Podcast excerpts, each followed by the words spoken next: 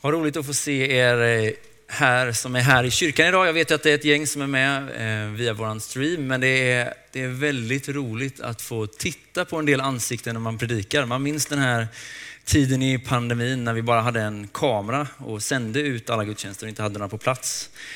Det är väldigt skönt att få titta på lite människor när man predikar. David Norberg heter jag och jobbar som pastor i den här församlingen. Jag har en titel för den här predikan som jag kallar evangelium för vår tid. Grundtanken här, min grundtanke, det är att ja, men jag vill säga någonting om evangelium.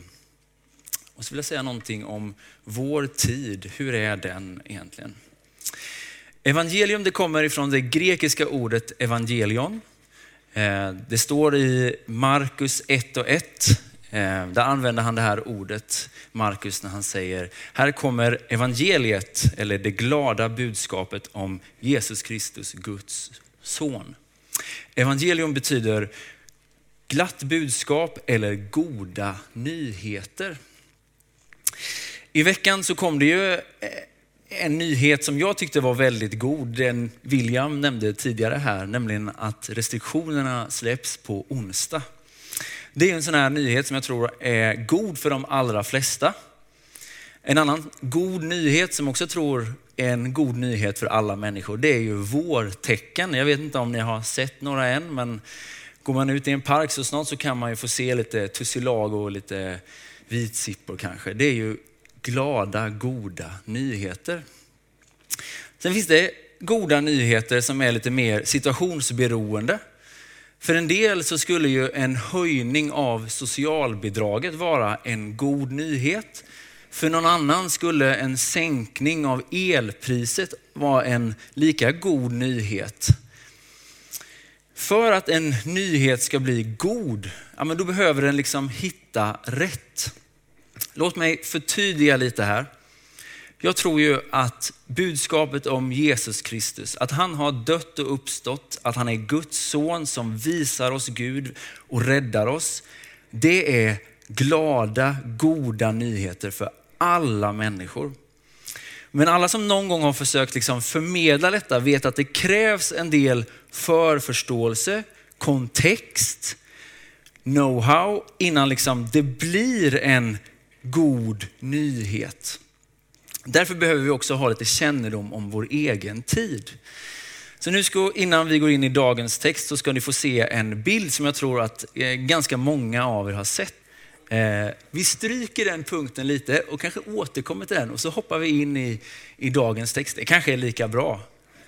Vi stryker den och så hoppar vi in i dagens text och så börjar vi med en bön för den här predikan.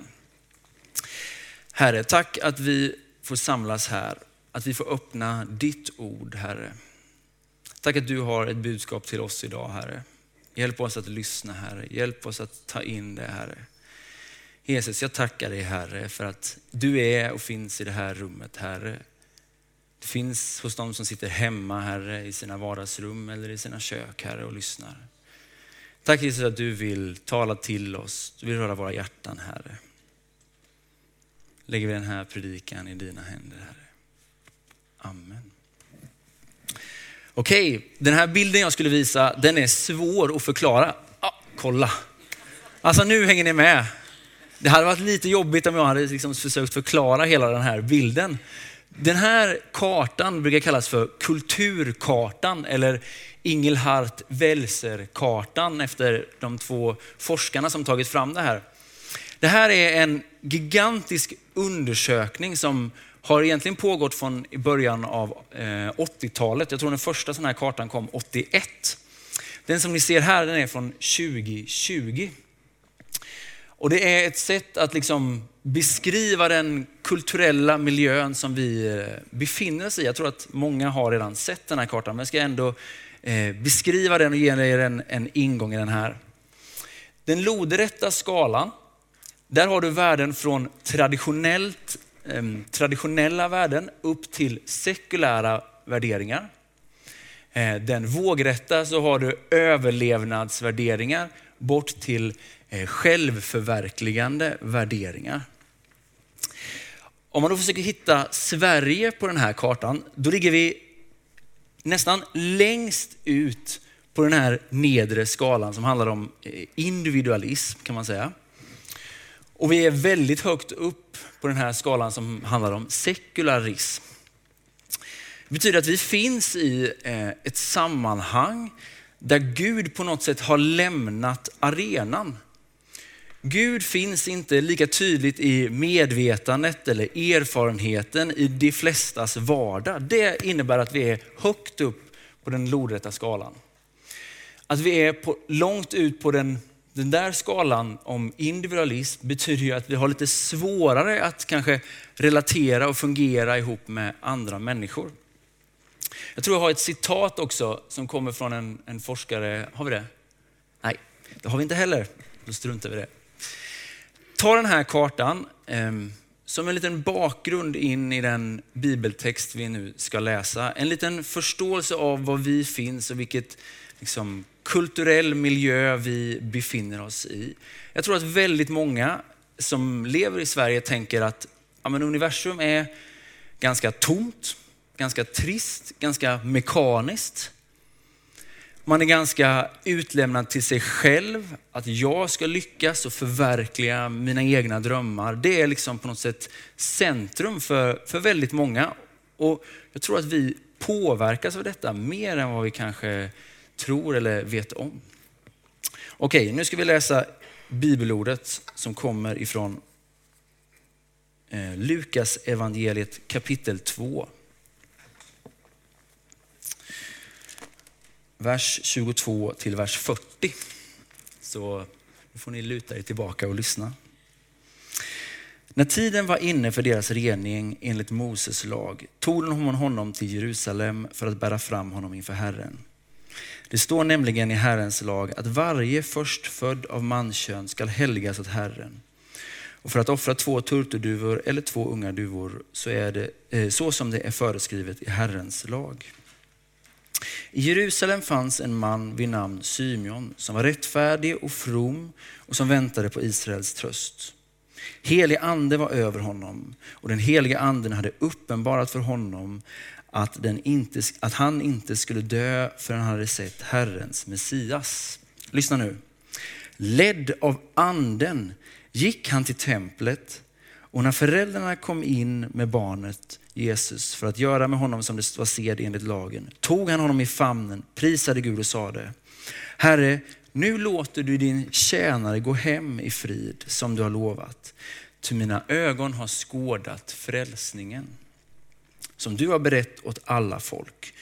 Ett ljus med uppenbarelse åt hedningarna och härlighet åt ditt folk Israel. Hans far och mor förundrade sig över vad som sades om honom. Symeon välsignade dem och sade till hans mor Maria, detta barn ska bli till fall eller upprättelse för många i Israel och till ett tecken som väcker strid. Ja, också genom din egen själ ska det gå ett svärd för att mångas innersta tankar ska komma i dagen. Och så lyssnar vi lite till. Det fanns också en kvinna med profetisk gåva, Hanna, Fanauls dotter av Ashers stam. Hon var till åren kommen. Som ung hade hon varit gift i sju år. Sedan hade hon levt som änka och var nu 84 år gammal.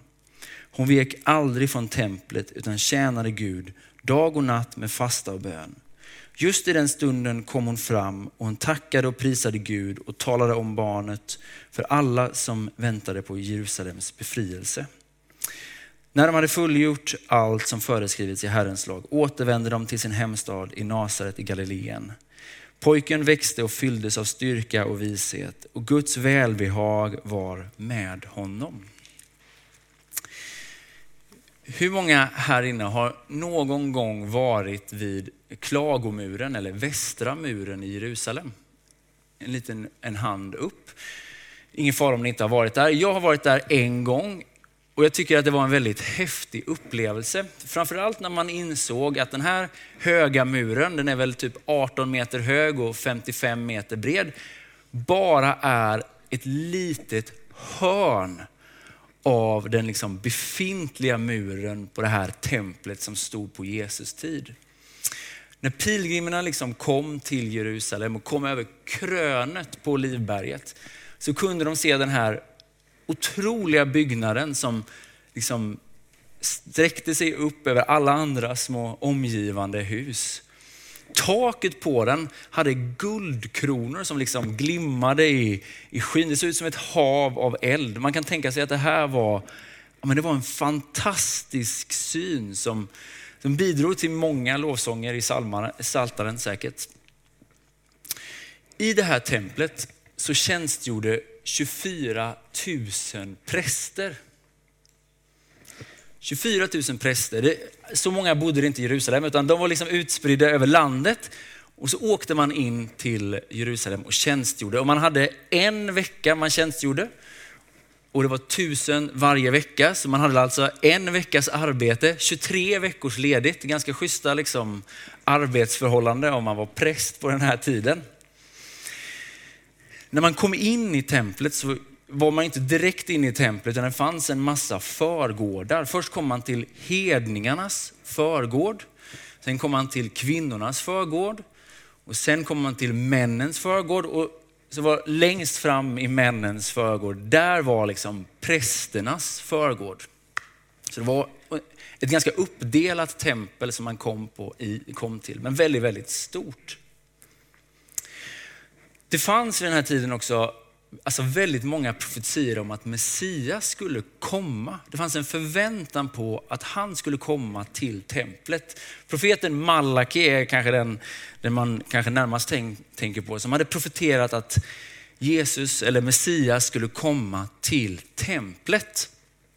Och då kan man tänka att var man en av de här prästerna så ville man ju väldigt gärna säkert att Jesus eller Messias skulle komma den veckan man tjänstgjorde, eller hur? Inte de andra 23. Då skulle ju liksom himlen öppna sig, kören skulle sjunga, prästerna skulle stå i sina finaste liksom, kläder, offren och röken skulle vara igång och det skulle vara förberett och översteprästen skulle stå i sina finaste kläder. I den här texten som vi har läst idag så kommer Messias till templet. Men det går helt förbi prästerna. Tusen präster missar att den här profetian går i uppfyllelse. Det sker på en av förgårdarna, säkert bland handel och djur. Och det här är liksom en otroligt viktig poäng. För vi tänker ibland att Gud ska komma i det stora, i det förberedda, i det vi har liksom planerat och strukturerat upp. Och så kommer han i vardagen. Bland hästar och djur och lite kohandel och i folkvimlet. Tusen präster den här dagen missar att Messias kommer. Men två personer upptäcker det. Det är en gammal man och det är en gammal kvinna. De har liksom visheten i ryggen. De har upptäckt Gud i vardagen. Och de upptäcker Messias på den här platsen.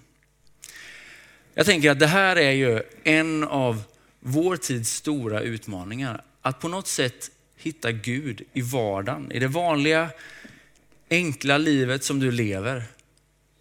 Hitta Gud. Och jag tror att Hanna och som Simeon faktiskt kan lära oss någonting om, om hur vi gör detta. Men hur får jag tag i Gud i mitt vanliga liv? Det är där Gud vill möta dig. Det är där universums skapare vill ha ett möte med dig. Det står att Hanna hon är i templet dag och natt. Hon tjänar Gud med bön och fasta. Hanna tycker jag är en sån bild för de goda vanorna. Hon har ju liksom fått tag i viljestyrkan på något sätt, att vara förberedd.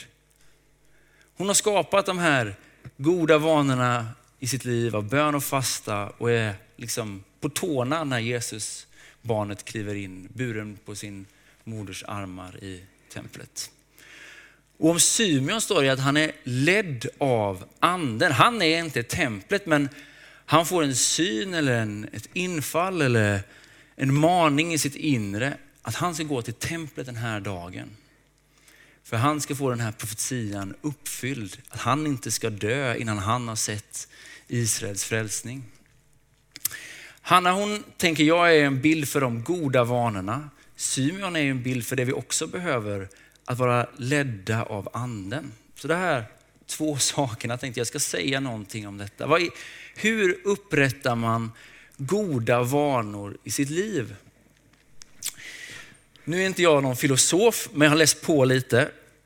Filosofer brukar tala om en liksom första ordningens vilja och en andra ordningens vilja.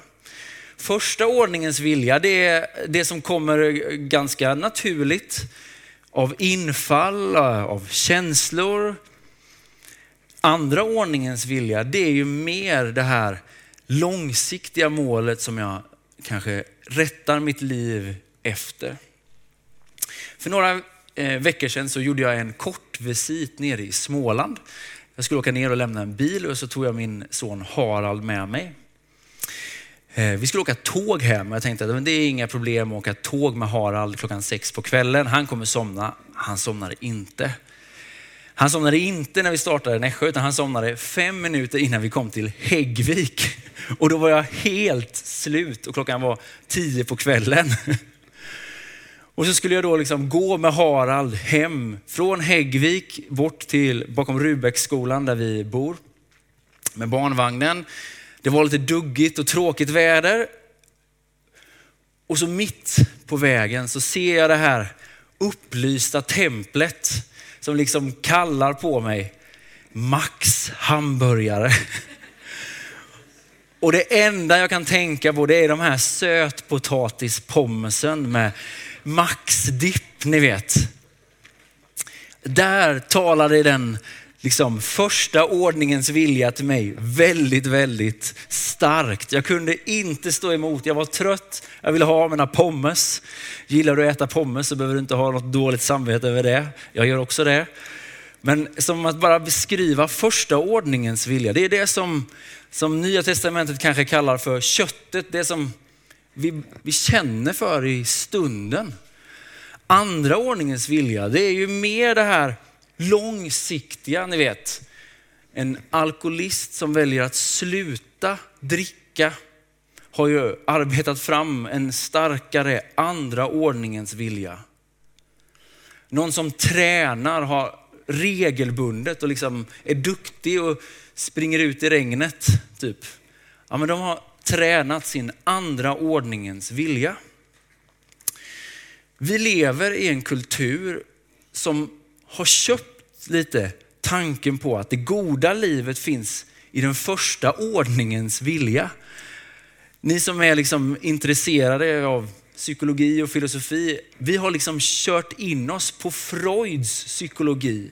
När man liksom överlämnar eller lämnar sitt överjag och mer hänger sig åt sina enkla drifter, ja, men då blir du en fri människa. Jag skulle säga att det är en lögn. Det är ju ett liv som väldigt ofta slutar i missbruk, i otrohet, i destruktiva beteenden. Det goda livet finns mycket mer i den andra ordningens vilja. Och jag tänker att vår tro, eller din tro, behöver liksom vandra från någonting man bara känner för och gör ibland när man vill, till den andra ordningens vilja. Någonting som är mitt kall, något jag vill hela mitt liv. Något som präglar min vardag från start till slut. En andra ordningens vilja. Nu ska du få tre snabba tips eh, på goda vanor som jag tänker att, att du kan ta med dig. Ta med dig vad du vill. Det är väldigt enkelt när man, man tänker om goda vanor att man ska göra mer. Så, så fungerar min hjärna i alla fall. Jag skulle vilja utmana dig att göra mindre. Att sakta ner. Jag inser liksom när jag säger detta att jag är fel person. ja, men om man ska få vara ärlig så, är, så tänker jag, jag bekänner min synd för er.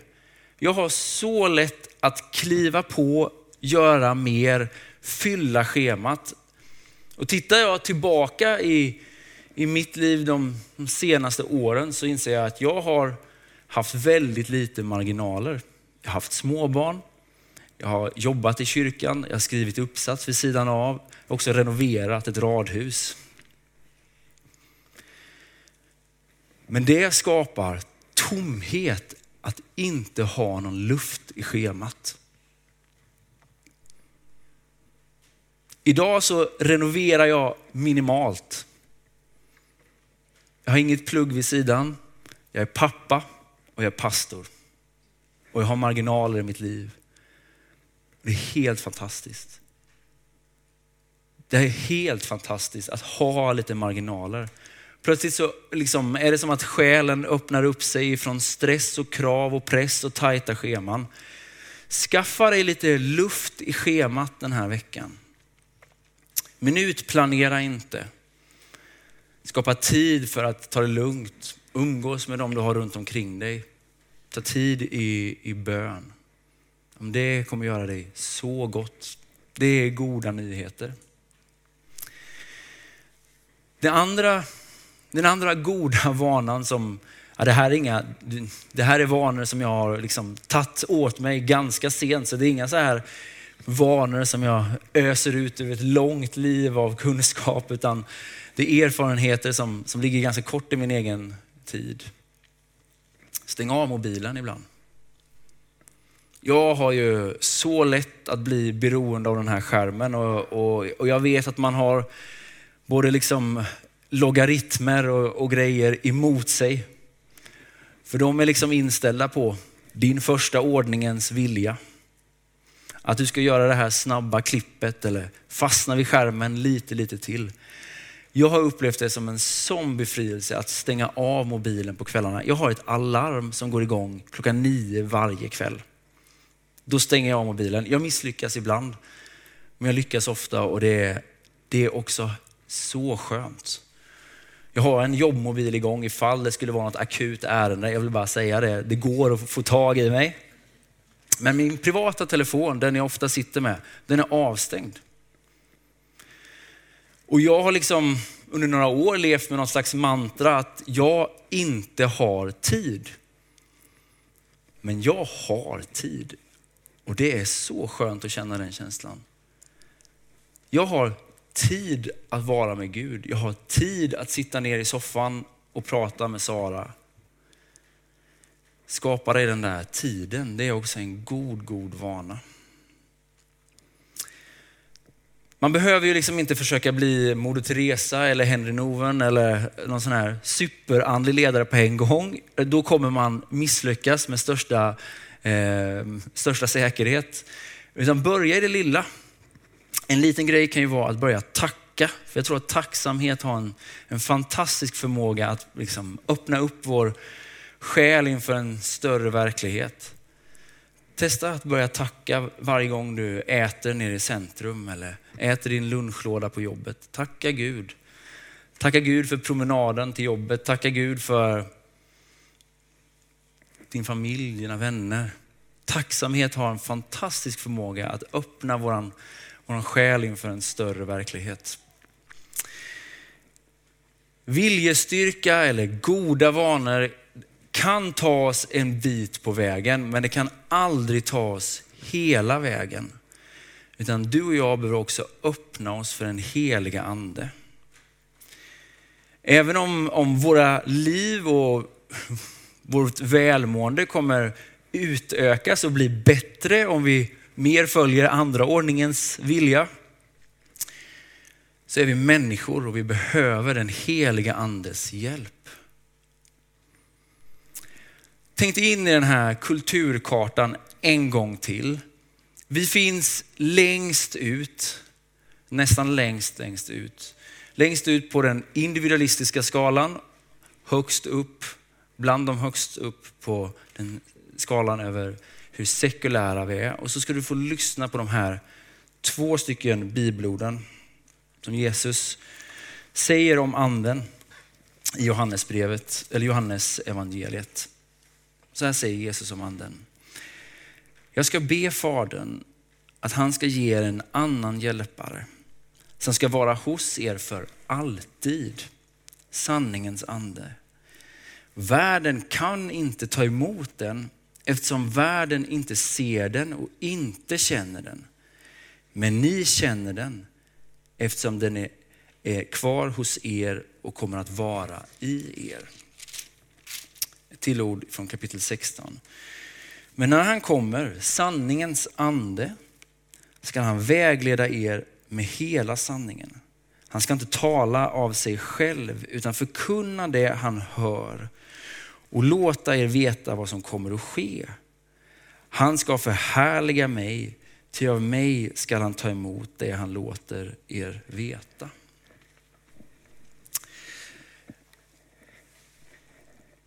Jag vet inte hur många gånger jag har sagt det här, men kristen tro ser inte ut så här. Det är inte att spänna musklerna, utan det är mycket mer att öppna sitt liv för vad den heliga ande vill göra i våra liv.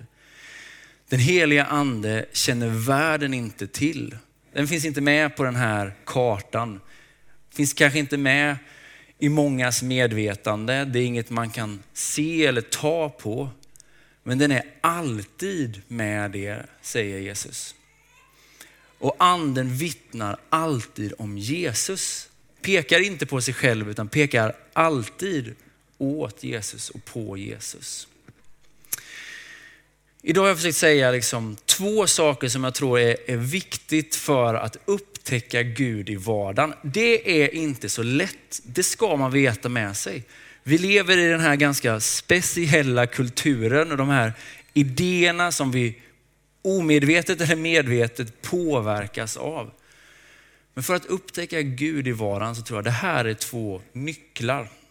Att följa Hanna, att skapa de här goda vanorna i livet och att precis göra som Symeon, att öppna upp sig för den heliga andes verk. Vi kommer aldrig klara det hela vägen själva. Vi behöver hans hjälp. Och en dag så kommer det säkert vara som den här kända bilden om promenaden på stranden när vi tittar tillbaka på vårt liv och ser att det är Jesus som har burit oss under de tunga perioderna. Nu ber vi. Herre, jag tackar dig för det land och den plats och den tid som vi befinner oss i just nu, Herre. Du ser de speciella utmaningarna som vi har i den här tiden, Herre. Jag ber att du skulle vägleda oss i våra liv, Herre. Hjälp oss att upptäcka mer av dig i vardagen, Herre. Hjälp oss att skapa de här goda vanorna, Herre. Inte av en press eller av en känsla att vi måste göra mer, Herre, utan snarare tvärtom. Hur kan vi få tag i dig ännu mer, Herre? Hur kan livet få färg? Hur kan du tala till vårt inre? Hur kan vi öppna upp oss för den heliga Andes verk i våra liv, Herre? Jesus, jag tackar dig för att din ande är med var och en som sitter i det här rummet, Herre. Du talar till oss, du manar i vårt inre, Herre. Hjälp oss att se dig, Herre. Se dig mitt i vår vardag, Herre, där vi befinner oss, Jesus. Led oss, Herre, precis som du ledde Symeon, Herre. Hjälp oss att skapa liv med goda vanor, Herre. Amen.